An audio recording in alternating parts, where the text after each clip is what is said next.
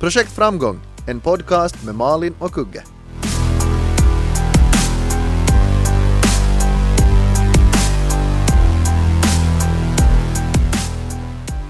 Hej Malin! Hej Kugge! Det känns som en evighet sedan vi har poddat. Ja, det gör det. Herregud, det var två veckor sedan. Ja, vi ber jättemycket om ursäkt för att det blev eh, poddpaus förra veckan, men jag skyller allt på dig Malin. Ja, ja, och jag måste få skylla på någon annan som har smittat mig med den hemska flunsan. Så- Men nu ser du fräsch och glad ut. Ja, jag, jag är på nytt född. Jag är äh, fågeln Fenix ur askan. Det var, en, det, var en, det var en jättetuff flunsa som tänkte nästan knäcka mig men nu är det över och jag har massor att prata om idag, känner jag. Mm. Ja, du har lite så här diktatoriskt bestämt vad vi ska snacka om idag. Ja, eh, jag har bestämt att dagens tema är saker jag inte visste före jag blev företagare. Mm. Och, och, och helt uh, osökt så kommer vi att vara väldigt cyniska här i början i alla fall. Men jag ska anstränga mig att också ge någonting positivt. Men vet du Kugge? Ja. Att, eh, att här på landet så finns det ett, inte vet jag om det är ett ordspråk, men det är någonting som min styvpappa brukar säga ganska ofta, han är bonde. Så han säger att när man har byggt ett nytt hus, alltså de första som flyttar in är mössen. Mhm. Förstår du? Ja, jag förstår. Eh, och jag tycker det är lite samma sak med att starta företag. Att de första som ringer åt dig när du har startat företag är inte dina kunder, utan det är försäljare, Ja. det är försäkringsbolag. Tro nog inte att du måste ha koll på det för att de har nog koll på dig. De kommer nog ringa åt dig. Be sure. Eh, och så är det alla, vet du när man står och har öppnat och står och väntar på någon, nu ska det komma kunder, oj oj vad roligt. Och så kommer den första in och så bara, hej, vi ska ha lotteri på jobbet. Att ska du kunna skänka en, en present? Och sen, vill du annonsera i vår tidning? Det, det far till alla i hela byn och, och ibland så är det större och, och jättedyra priser alltid. Ja men man måste ju som stödja samhället, man måste ju som och när man är nyföretagare så vill man blidka alla. Och man säger ja, ja, ja, ja, ja på alltihopa. Och sen när man har varit företagare i några år så då säger man nej, nej, nej, nej. Åt allt. Ha, hur känner du? Har du? Håller du med mig alls? Lite, alltså jag blev faktiskt ganska förvånad över den här telefonstormen. Mm. Eh, Den, kanske de två Alla vill ha dina månaderna. pengar, Kugge. Ja, men alltså det var sådär att typ att vill du finnas med i telefonkatalogen? ja. Eller sen att någon tyckte att det var jätteviktigt att jag var med på någon databas. eh, Eller, alltså, Men massa sånt här, och det skulle kosta vet du, 150 euro om året, men nu är det specialpris, det är bara vet du, 120 euro för dig. Och jag bara, äh, sånt, sånt strunt. Och eh, sen ibland så vet du, var det någon som ringde och var jättetrevlig och jag trodde alltså att det var en gratis tjänst, för det lät som att hon skulle ha ringt från typ någon Helsingfors-företagare eller nu något sånt. Mm. Vi pratade jättelänge och det var jättetrevligt. Och sen frågade jag där efter en stund att ja, alltså, kostar det här någonting? Och vid det skedet hade hon frågat en massa, vet du, vad mitt företag gör och hur den där annonsen skulle, eller vet du, någonting skulle se ut. Alltså jag var ju, jag var helt enkelt att det här måste kosta. Mm. Och, och sen så sa hon, jo men att vi har det här specialpriset och det är jättebilligt för Ah. dig. Och jag bara, men tyvärr så har jag nog inga pengar att lägga på, på något sånt här. Och då blev hon skitsur på mig. Mm. Jag bara, det är inte mitt fel att du ringer till mig under falska premisser och får mig att tro att det här är någonting roligt vi gör tillsammans. Eh, och bara, hejdå! Och så, ja. Och faktiskt en av de mest irriterande grejerna var att när jag hade varit på min bank eh, för att då typ öppna mitt firmabankkonto Mm. så eh, sen så blev jag så här hijackad till försäkringssidan Mm. och så var det en så här, det var nu en ung, ung kvinna som, alltså de måste ju få leva på provision de där försäkringsmänniskorna för att hon försökte nog pracka på Mhm. allt möjligt åt mig. Och så det sjukaste var att hon ville sälja en försäkring åt mig som var någon eh, så här eh, ol, o, typ olycksfallsförsäkring eller något sånt att hon var sådär att till exempel om du är hemma hos någon och intervjuar hen och så drar du ner bokhyllan med alla autovaser så, då täck, så då täcker den här försäkringen det. Men så bra.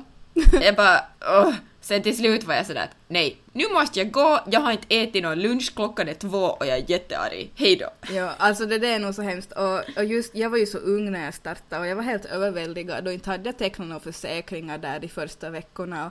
Och så kommer det förstås in då folk, äh, någon sån här försäkringsgubbe med sin portfölj och sätter sig ner vid ett av mina bord där på det där lunchstället jag drev och, och kom med alla sina papper och skrev under här ungefär att du, du måste ha en försäkring. Han fick det som att verka som att eh, jag, jag, jag var skyldig att, och klart man måste ha försäkring men jag skulle ju nog ha kunnat som vet du, ta det lilla lugna och, och försöka ringa till olika, ta offert vet du, men jag var som bara okej okay, okej okay, och så skrev jag under bara för att slippa honom vet du.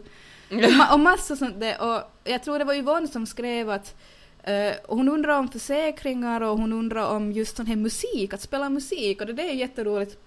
För jag tror att jag hade min affär nu i Vasa hade öppet i två dagar och sen kommer han från Gramex med portföljen och här är avtalet du ska skriva på att du måste börja betala. Och den är ju, jag skulle säga det är väl det minst, alltså rent psykologiskt är det ganska jobbigt att tänka att, att du måste, jag betalar redan för Spotify, jag måste ännu betala för att alla där i butiken eh, hur många nu jag har per dag ska lyssna på min musik som de inte lyssnar på, det är bara för stämning. No, okej, okay, men alltså det är inte så jättedyrt och det är nog inte så farligt, det är mest bara jobbigt psykologiskt att någon kommer in och kräver att du ska betala. Men sen så tyckte jag det var jättejobbigt med just, alltså tidningshusen blir ju nog allt mer desperata om man ska sälja annonser och jag har ju så, så här nu att jag vägrar traditionell annonsering bara för att jag, jag tycker inte om hur, de, hur det har blivit. Uh, och jag vill inte uh, just dra någon mediehus under, under bussen här men, men jag fått, när jag öppnade i Vasa fick jag tiotals mejl från Pohjalainen att jag ska göra annons och jag svarade inte för att jag, jag är inte intresserad.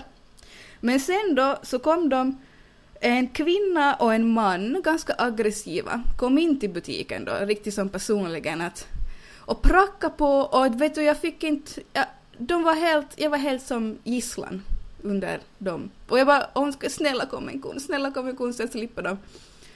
Alltså de krävde att jag satt mig ner och lyssnade och de var så, jag blev ju nästan rädd. Det var ju en full stor karl som var dubbelt så, så lång som mig och en kvinna som var riktigt ettrig och, och på finska och jag kan inte riktigt hävda mig själv lika bra på finska som på svenska.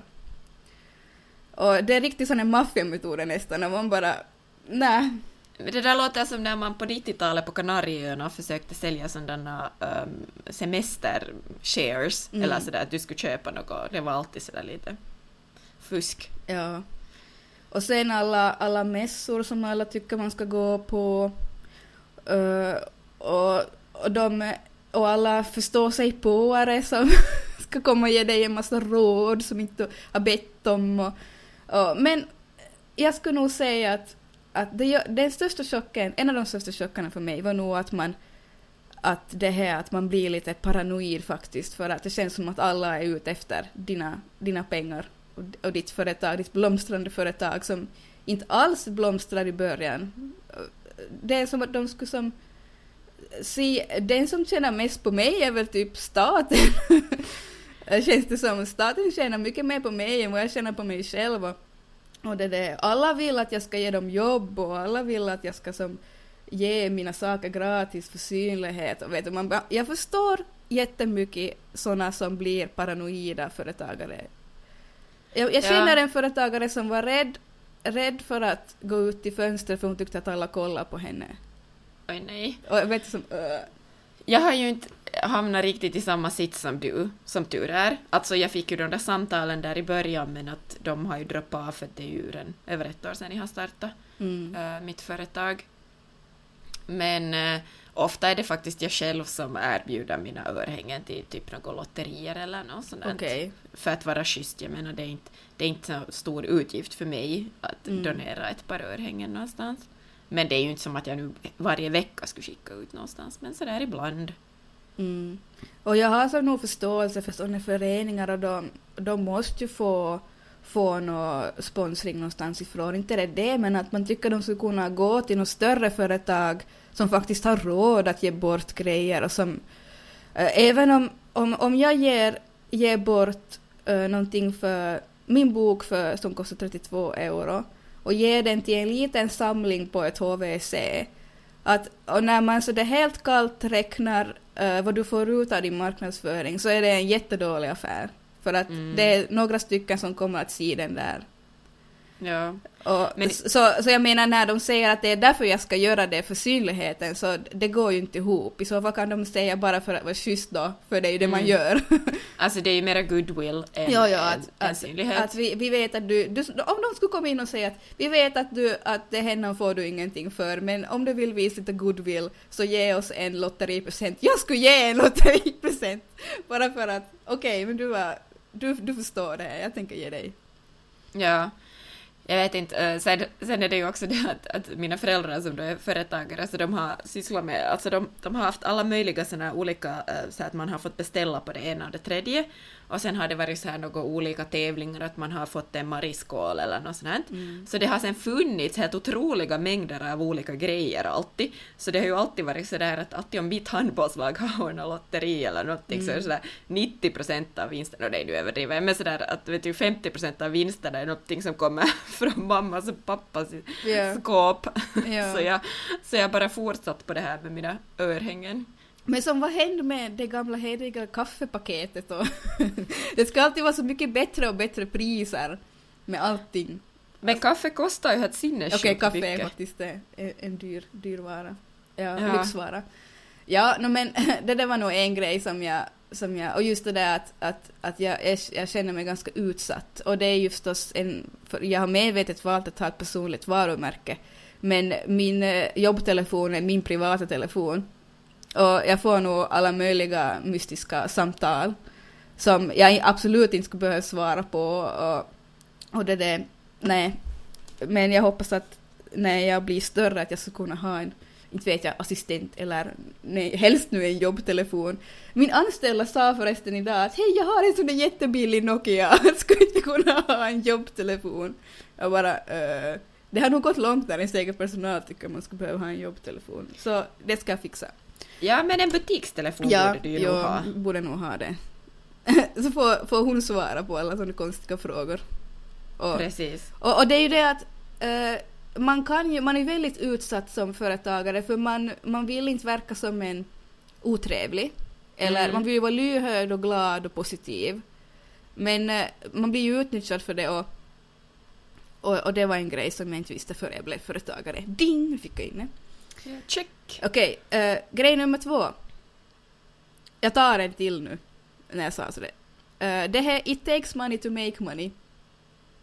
Att, eh, att det där... Nu, nu har jag förstås en helt annorlunda business än du. Att Mm. du, du lägger mest din tid, värdefulla tid. Ja, Eh, men jag så, om inte jag har någonting att sälja så kan inte jag göra pengar. ja, det är sant. Så eh, jag tycker att när, till exempel när man ser på sådana program som Lyxfällan och sånt här, det handlar mycket om att kapa utgifter. Och jag tycker det är så sjukt svårt att kapa utgifterna just med tanke på det att jag måste hela tiden köpa sig, köpa sig, köpa sig. Uh, och sen det händer att, att det där, jag blev nog chockerad över hur mycket allting kostar att vara företagare. Uh, att det, det jag, jag har ju sagt tidigare att jag var ganska naiv när jag startade men, men den, att jag inte ens var medveten om till exempel restaurangbranschen har de dyraste försäkringarna och de dyraste driftskostnaderna och de sämsta vinstmarginalerna. Mm. Så vet du vilken uphill? Nej, nej, jag bara bakar och det går så bra, det går så bra. Och fast jag säljer allt vad det går så räcker inte. Mm.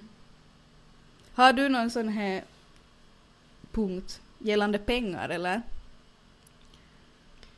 Eh, kanske det här är, låter det som att jag skulle vara dum i huvudet och det, det här Nej. har jag ju nog på ett sätt förstått eh, på förhand. Men eh, lite med det här med prissättningen och, och, och så här att jag måste bestämma allt själv. Mm. Vet du du- sätter ju värde själv.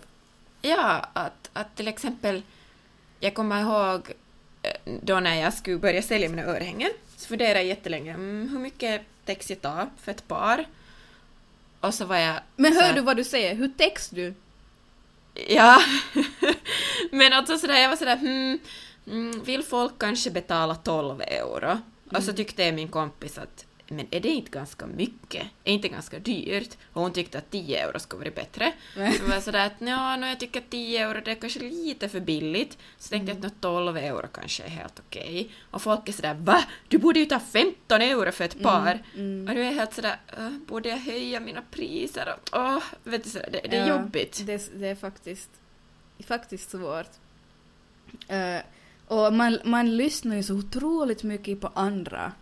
Man är som en, en, en, en svamp för intryck. Och, och det där att man... Att, eh, just som du sa att din, din kompis tyckte att det var lite för dyrt.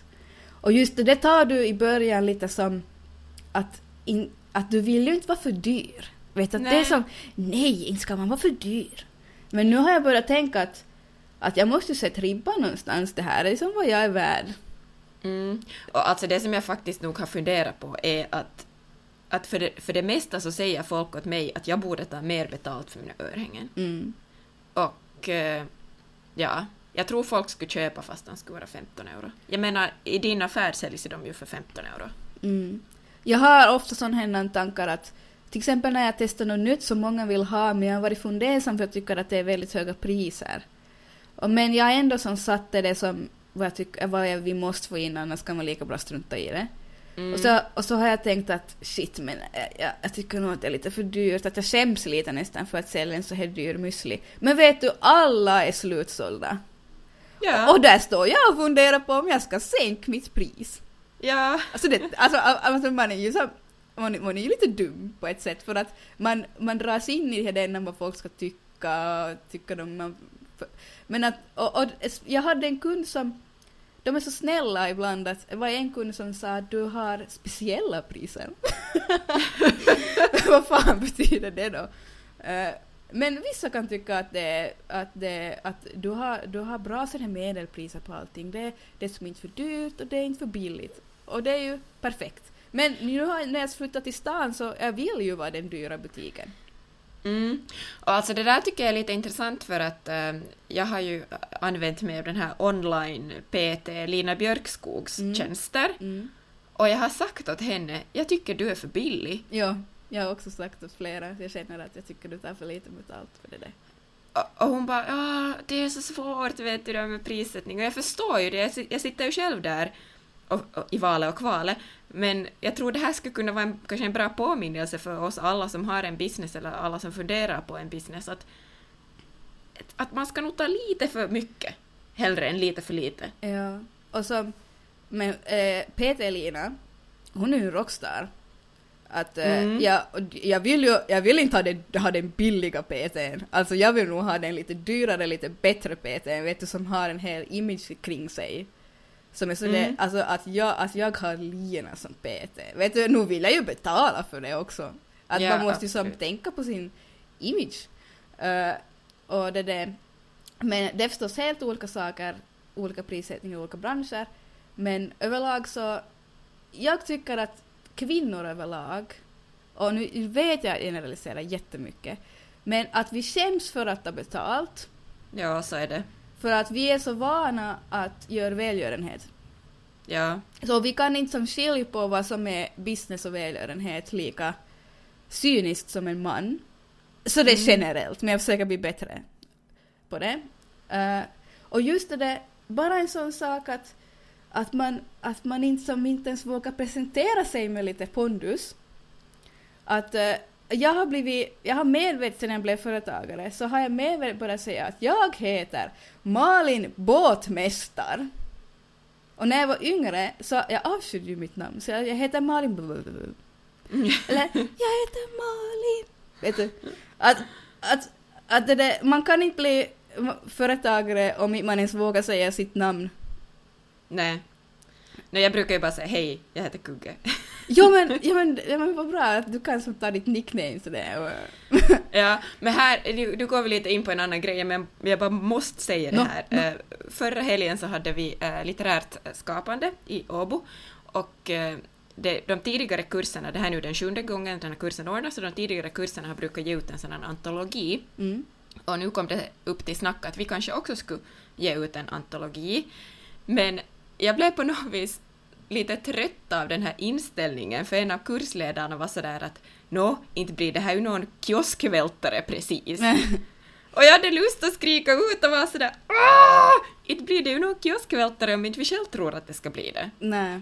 Nej. Men, men det måste jag säga att vår grupp är helt fantastisk. Vi har världens planering på gång nu och alla är jätte, jätteivriga så att eh, vänta och se, om ett och ett halvt år kommer världens bästa antologi. Den ska ni alla köpa. Ja, men alltså det, det har ju med ledarskap att göra. Att jag, jag ser ju att, att uh, min personal har alltid gjort att tänk vad det här skulle kunna bli. Tänk, tänk, Ja. tänk, tänk, tänk sen när vi gör det här. Och vet vad- för som ledare så är det ditt jobb att, att delge visionen åt allihopa. Så alla vet vart de strävar. Men eran ledare så ska vi göra medvetna om att det här kommer inte att bli någon kioskvältare. Men hon skulle ju enkelt bara ha kunnat som att vem vet vad det här kan bli? Ja, Man behöver hon, liksom hon inser väl på något vis realiteterna i Svenskfinland, men jag är så trött på det här finlandssvenska kulturfältet där allting är sådär att nå, inte är det nu någon som vill köpa det vi gör och la la la. Det är så tröttsamt, ingen vill ju köpa någonting som man inte tror att man kan sälja. Nej, och, och det där igen att man vet ju inte vad man inte vet. Ja. Att är det verkligen så? Bara för att det alltid har varit så behöver inte stämma något mera. Ja, och det beror jättemycket också på vår inställning, hur vi kommer att sälja och presentera det och sådär, vara aktivt synliga någonstans. Men det här var nu helt en, en sidopoäng. Men eh, Har du flera punkter? Saker som vi inte visste före vi blev företagare. det här låter nu också helt korkat och på ett sätt visste jag, men insikten kommer först när man är där och har Mm. sitt företag. Mm. Men jag måste fixa allt själv och ta reda på allt. Det finns ingen arbetsgivare att fråga. Nej.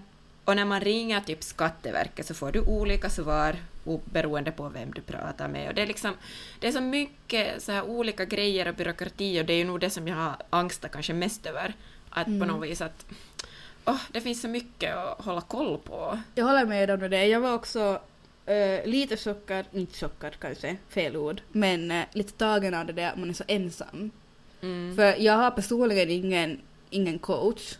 Och dessutom litar jag inte på någon så mycket att jag skulle avslöja mina innersta tankar om min business för det är så sjukt när någon tar det som du har kommit på och gör det själv.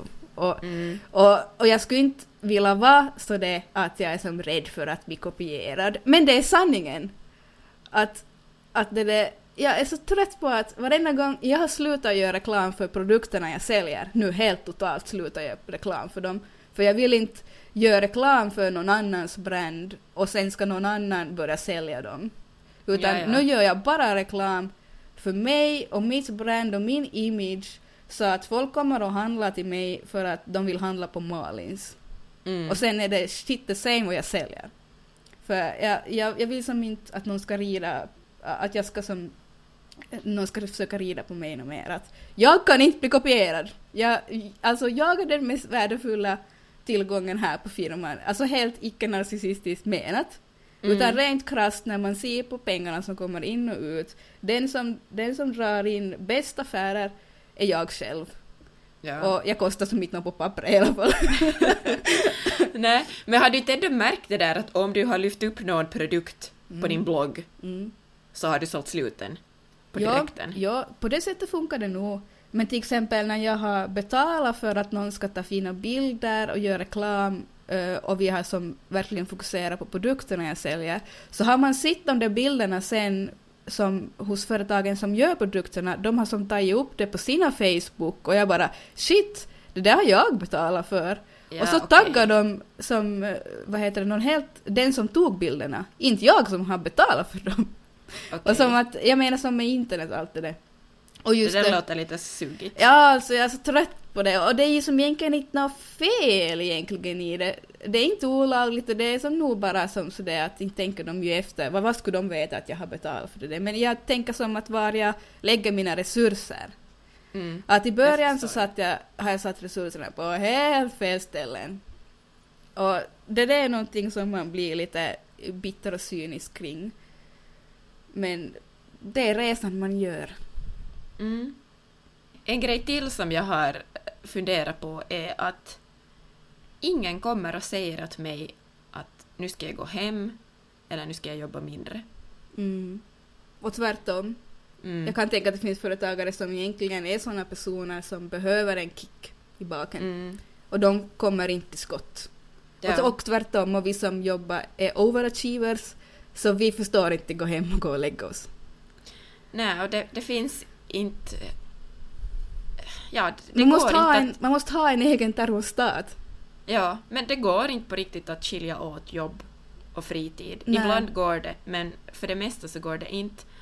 Och alltså, det här ska ju egentligen inte vara någon överraskning för mig med tanke på att så, mina föräldrar har alltid varit privatföretagare, eller alltid, men så länge jag minns. Mm. Och jag var ju alltid den som hämtades sist på dagis och på eftis. Stod Mm. alltid ut med dagistanten där när klockan var lite över fem. Och blev sist upplockad och i bilen så snackades det business. Ja. Ja, Och, så här. och det var ju därför också jag var länge sådär att det är inte en chans att jag blir företagare. Mm. Inte en chans. Mm. Men här kommer faktiskt en grej till som jag inte visste. Mm. Och det är att jag visste inte hur roligt det skulle vara. Sant. Och jag är så glad att vi vände skutan till något positivt här för att jag hade, hade inte eh, heller trott att det skulle påverka min självutveckling så mycket och som min, ska vi säga, eh, jag karvar ju ut vem jag är genom mitt företag, vet du. Samma sak som med bloggande. Mm. Man karvar fram sig själv och, och sin, och att man själv är sin egen utbildare. Ja. Att det, det är ju, när du kommer igenom grejer så då är du ju, alltså det är ju helt ovärderligt att, ovärderlig lärdom som du inte kan få någon annanstans ifrån. Mm. Jag är sådär, typ varje morgon som jag inte behöver vakna till väckarklockan är jag lycklig. Mm, jag har inte heller väckarklocka. Behöver inte liksom stressa iväg någonstans. Så jag får lägga upp mina dagar hur jag vill. Och det, Mm. det var så roligt när min kompis frågade förra veckan alltså, hur ser en vanlig arbetsdag ut för dig? Och jag bara ja, det beror lite på. Inte finns det riktigt någonting sånt som vanlig arbetsdag. Att jag gör ju nu det som finns på min to-do-lista och vissa saker är vet du, mer akuta än andra. Mm. Och till exempel nu så håller jag på och redigerar mitt manus och eh, jag vill få det gjort här eh, inom några veckor och jag vet att det kräver tid. Så då stressar jag kanske lite mindre för, för mina liksom, andra jobb. Fast det jobbet jag får betalt för måste jag ju alltid på ett sätt ha i första ledet. Mm. Men i en annan situation, om jag skulle ha det lugnare, skulle jag kanske kunna jobba in den här veckan och sen jobba mindre nästa vecka för jag har mycket på gång eller så här. Men nu är det så att nu gör jag det nästa vecka, att jag har redan gjort den här veckans jobb för det projektet. Mm. Nu, nu får jag liksom fokusera på mitt skrivande istället. Mm. Jag känner att eh, jag, eftersom jag har en, en annan sorts business så är jag inte riktigt ännu på samma så kallade frihetsnivå som du är. Mm. Men jag strävar ju till den och jag vet att jag kommer till, kom dit. Så min, tänk, jag tänker alltid sen när, när jag inte behöver stå där själv längre. För att jag skapar ju ett självgående team men det tar ju sin tid. Jag har ju inte kommit dit ännu. Men jag skapar ett självgående team där och, och det är det att, att jag kan sen helt fritt lägga min tid och att sen när vi äntligen någon gång kommer till den punkten att vi får bygga hus så kan jag bygga ett hemmakontor för det, jag kommer börja jobba hemifrån, garanterat. Och, och jag känner att då, en, det är ju farligt att tänka att då kommer jag att vara lycklig, vet du. Men jag vet att jag är på väg dit. Och då kommer jag att, då tror jag nog att jag kommer till ha mycket avundsjuka människor på mig. Vet du, jag tänkte faktiskt på dig när jag var för någon vecka sedan i Stockholm och så var jag där i Mood-gallerian och så fanns Var du till Leilas? Ja. Ja, det var jag. Och Nå, vad eh, fick du för intryck där? det, var, det var lite för sockersött för min Nå, det är smak. just, ja, mm, sant. Men, men nog har det ju alltså... Ja, jag tänkte så här att ja, om 10-15 år så står det Malins Mm, där. mm. Typ. Och, och jag brukar alltid tänka, tänk att Leila är tio år äldre än dig Malin. Du kan nog, du kommer nog att komma dit sen. Jo, jo. Ja.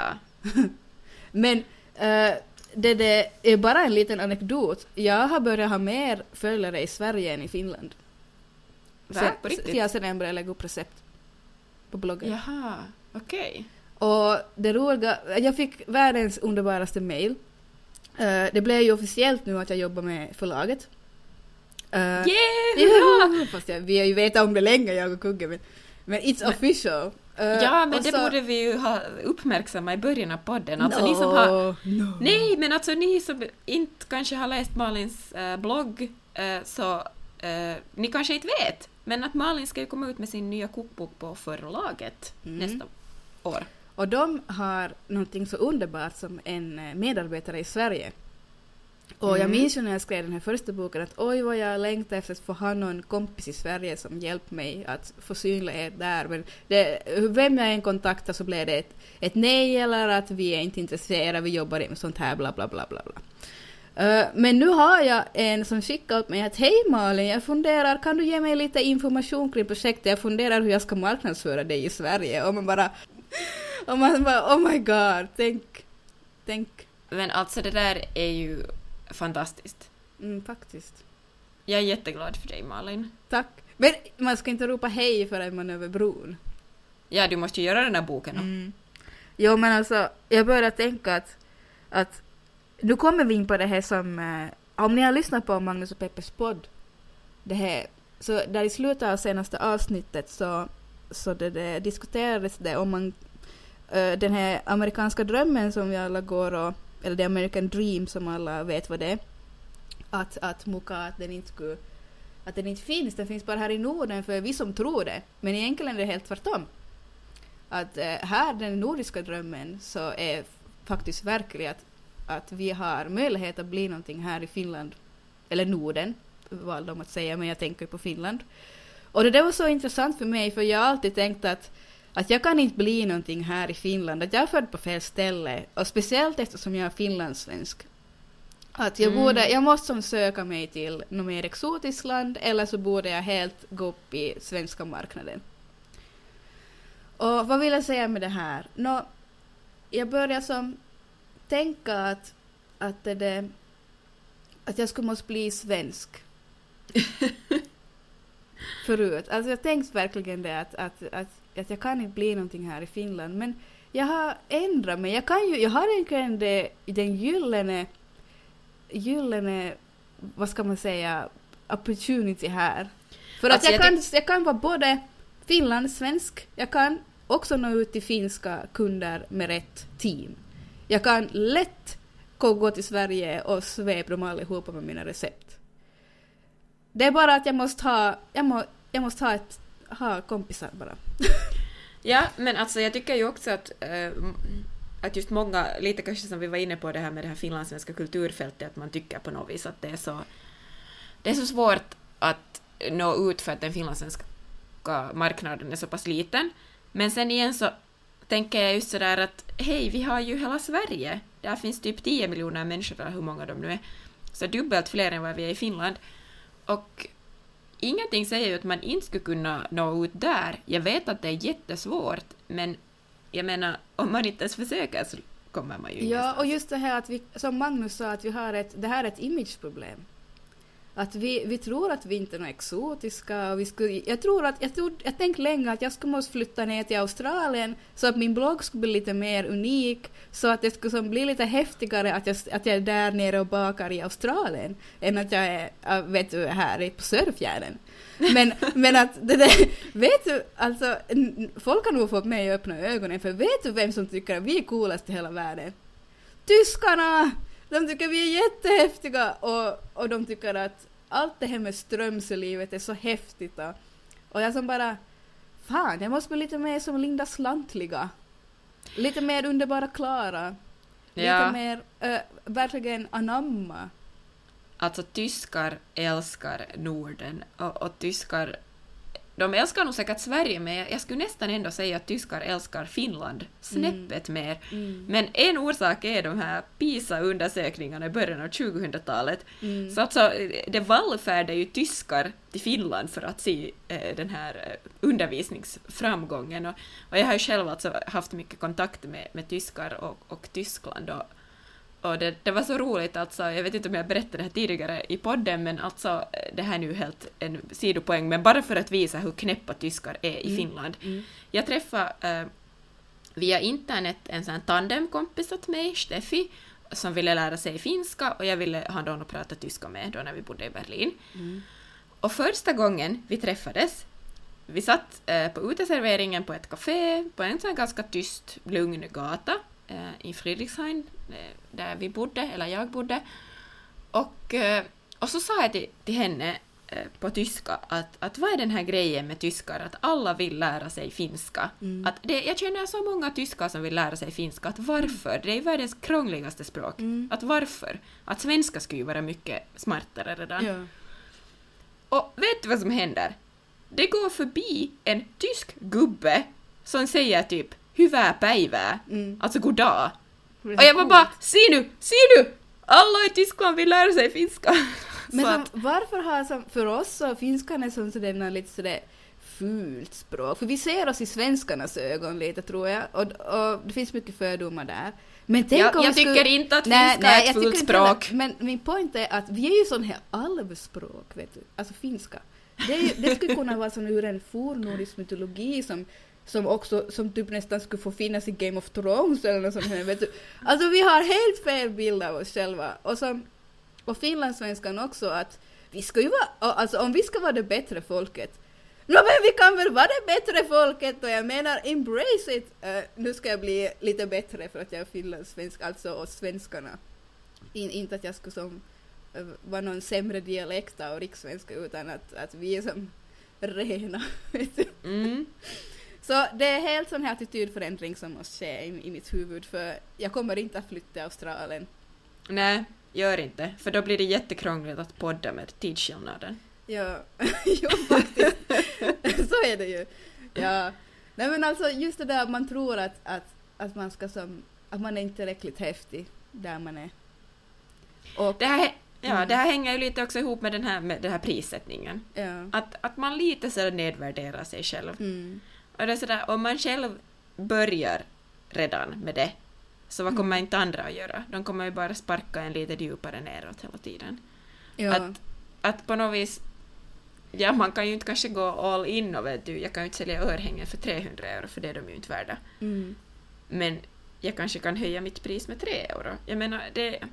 Jag tror inte att konsumenten sist och slutligen ens reagerar så mycket på det. Det är ju jag själv Nej. som sitter och bondas. Och man ska nog inte underskatta kundernas vilja att köpa värdefulla saker. Mm. Uh, annars så, så det det med eh, saker som du inte visste före du blev företagare, Mm. är ju att, och jag, jag sa ju att jag kände sig så ensam, men man är ju inte ensam i själva arbetet. Vi är ju jättemånga småföretagare. Vi bara kommunicerar ju inte med varandra, men du och jag kommunicerar med varandra. Mm. Och, och herregud, det finns någon som förstår mig. Ja, och, och just det där att, att det är ju kanske lite poängen med hela vår podd, Mm. att, att folk som är företagare ska få en, en arbetskompis. Och vi har ju fått jättemycket fina kommentarer just kring det. Mm. Att de som är egenföretagare så har tyckt att det varit jätteskönt att lyssna på det här för att, att ja, någon sätter ord på de där känslorna man går omkring med dagarna i ända. Mm. För det har varit som lite sådär, nästan lite fult tycker jag att få öppna upp sig kring att vara företagare. Och därför tror jag också att det är många som har bilderna av företagare som nå hemska kapitalister. Och, men det är ju inte sant. Det är ju väldigt få, få företagare som verkligen når upp till en sån status. Att, äh, att äh, som, som jag redan sa så det är krasst att, att det är ju inte jag som tjänar mest på min business. Det är ju en massa andra människor. Mm. Än så länge. Ja, jag förstår. Tror du att, jag har tänkt på en sak. Tror du att om jag, som någon, om jag en dag når upp till att, att vet du, att det står, ska vi säga, på skattelistan att, att Malin har betalat jättemycket skatt, att eh, en av de rikaste här, vad det nu kan vara, vad man nu... Tror du Ja. att folk skulle vara avundsjuka? Eller tror du att folk skulle bara, yeah, go Malin? Jag tror på det och. Det finns Både folk och. som är avundsjuka och så finns det folk som kan glädjas när det går bra för de andra. Mm. Jag, jag försöker som tänk, jag själv och att när jag läser de här företagslistorna att jag inte ska som gå direkt till att jaha, mhm, ja ja. Utan att som bara shit så bra, oh, det finns hopp för Finland. Vet du? Ja, och också just det där, eh, det har ju varit lite på tapeten, nu är det igen så här, Linn Ljung har skrivit ett inlägg och jag tycker att det har varit lite på tapeten i Svenskfinland, men Mm. det här eh, om framgångens pris. Mm. och till exempel en dokumentär med, med Krista Sigfrids om att det kanske utåt ser ut att allt har gått superlätt, Mm. men vi som inte är inne i det så vet ju inte eh, hur mycket jobb som ligger bakom. Och det är kanske en grej som också är lite sån här att jag visste inte före jag började att det är nog hårt jobb som ligger bakom för att det ska bli någonting. Ingen kommer att knacka på hos dig och är sådär Hej, jag skulle vilja, eller vet du, ingen kommer till mig och är sådär Hej, jag skulle vilja sälja dina örhängen. Det är nog jag själv som får försöka nå ut. Mm. Att det är nog, man får ju nog jobba hårt för, för sin dröm. Jo, absolut. Och, och, det där, och så finns det möjligheter som verkar så bra och sen så är de inte alls så bra. Och, och, det som, och när man ser utåt på att det går bra för någon, att det här var kanske inte alls som det var planerat eller vet du att det kanske var något helt annat egentligen som de hade tänkt som men du ser bara framgången men de ser bara misslyckandet som jag till exempel. det är som att jag, jag, känner inte, jag känner inte alls, alls framgången fast många, många vill komma och säga mig att jag är så framgångsrik. Ja, inte Mm. ännu kanske. Men ja, framgångens pris. Det var ju en intressant uh, blogginlägg.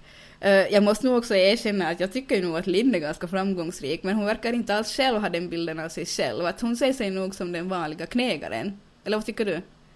Ja, det verkar ju som så, vilket jag egentligen tycker är ganska skönt. Jag tror det är därför folk tycker ganska mycket om, om Linn Ja, och följer henne, för att hon är ganska, eller hon är jätteäkta. ja. Och det är nog det som gör all skillnad i slutändan.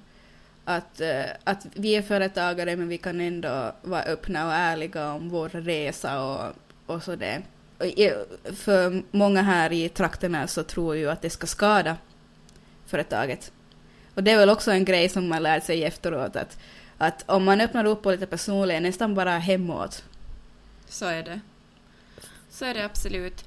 Nu, nu tror jag att vi får börja avsluta den här veckans eh, podd och det var en som undrade när vi sa att det är bara två avsnitt kvar och var såhär va, va, va, vad är det här för någonting? Så eh, vi kan ju säga att alltså, vi bestämde att vi nu gör eh, den här första säsongen, eller vad vi ska kalla det, så är 20 avsnitt sammanlagt. Mm. Och eh, sen kanske det blir något sporadiskt sommaravsnitt, vi får se. Mm. Och så försöker vi väl komma med nya krafter sen till hösten. Ja, och då får vi se då om vi kör med helt samma upplägg eller om det blir, blir lite annorlunda. Vi får ta sommaren och fundera och ni får jättegärna också eh, ge era åsikter kring detta. Mm. Att har ni några utvecklingsförslag, nu får ni vara förstå er påare med vår podd. Absolut. Men hör du, vi, vi får höras om en vecka igen. Ja. Tack för den här sessionen. Tack! Och tack alla ni som lyssnar. yes. Ha det så bra. Hej då! Hej då.